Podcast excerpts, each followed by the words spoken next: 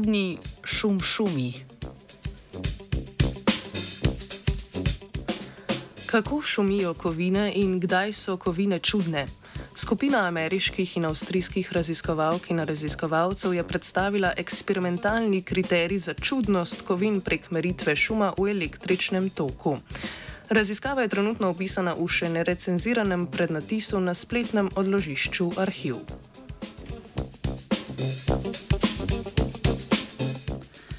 Kovine so tisti materijali, ki dobro prevajajo električni tok. Tega prenaša obilica mobilnih elektronov, vsak izmed njih pa nosi osnovno enoto naboja. Če skozi tanko žico pošljemo zelo majhen tok, tako da naboj enega elektrona predstavlja znaten del celokupnega toka v določeni časovni enoti, lahko na merilniku opazimo skoke v toku.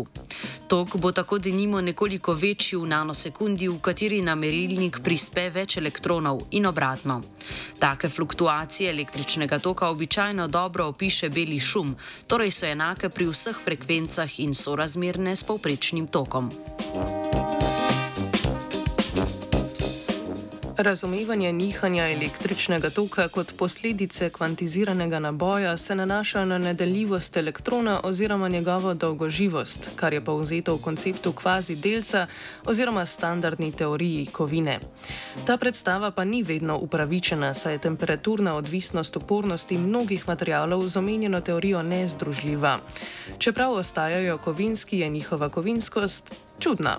Pod tem imenom tako poznamo enega največjih izzivov za sodobno fiziko kondenzirane snovi in sumi se, da nosilci naboja v teh materijalih niso elektronski kvazi delci, ampak nekaj drugega.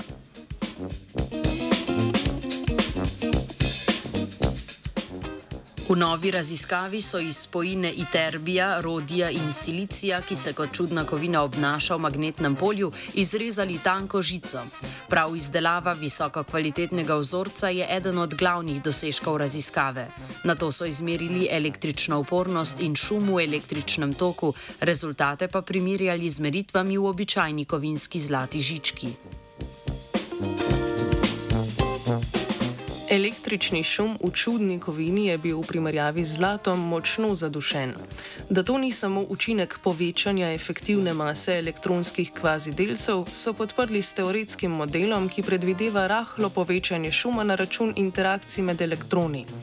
Prav tako so lahko ocenili, ali interakcija med elektroni in okoliško atomsko rešetko vpliva na šum, ter izključili njen vpliv na meritev, saj je bil ta vpliv premajhen.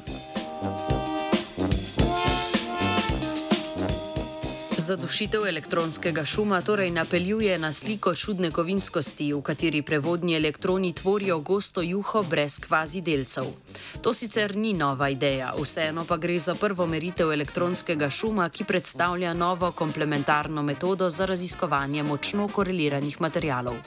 Izziv za prihodnost bo predvsem doseganje temperatur nižjih kot en Kelvin oziroma eno stopinjo nad absolutno ničlo. Iz tehničnih razlogov je eksperiment za zdaj omejen na najmanj 3 kelvine, čudne kovine pa posebno zanimive postanejo šele pri najnižjih dosegljivih temperaturah. Znanstveni Britov je pripravil Martin.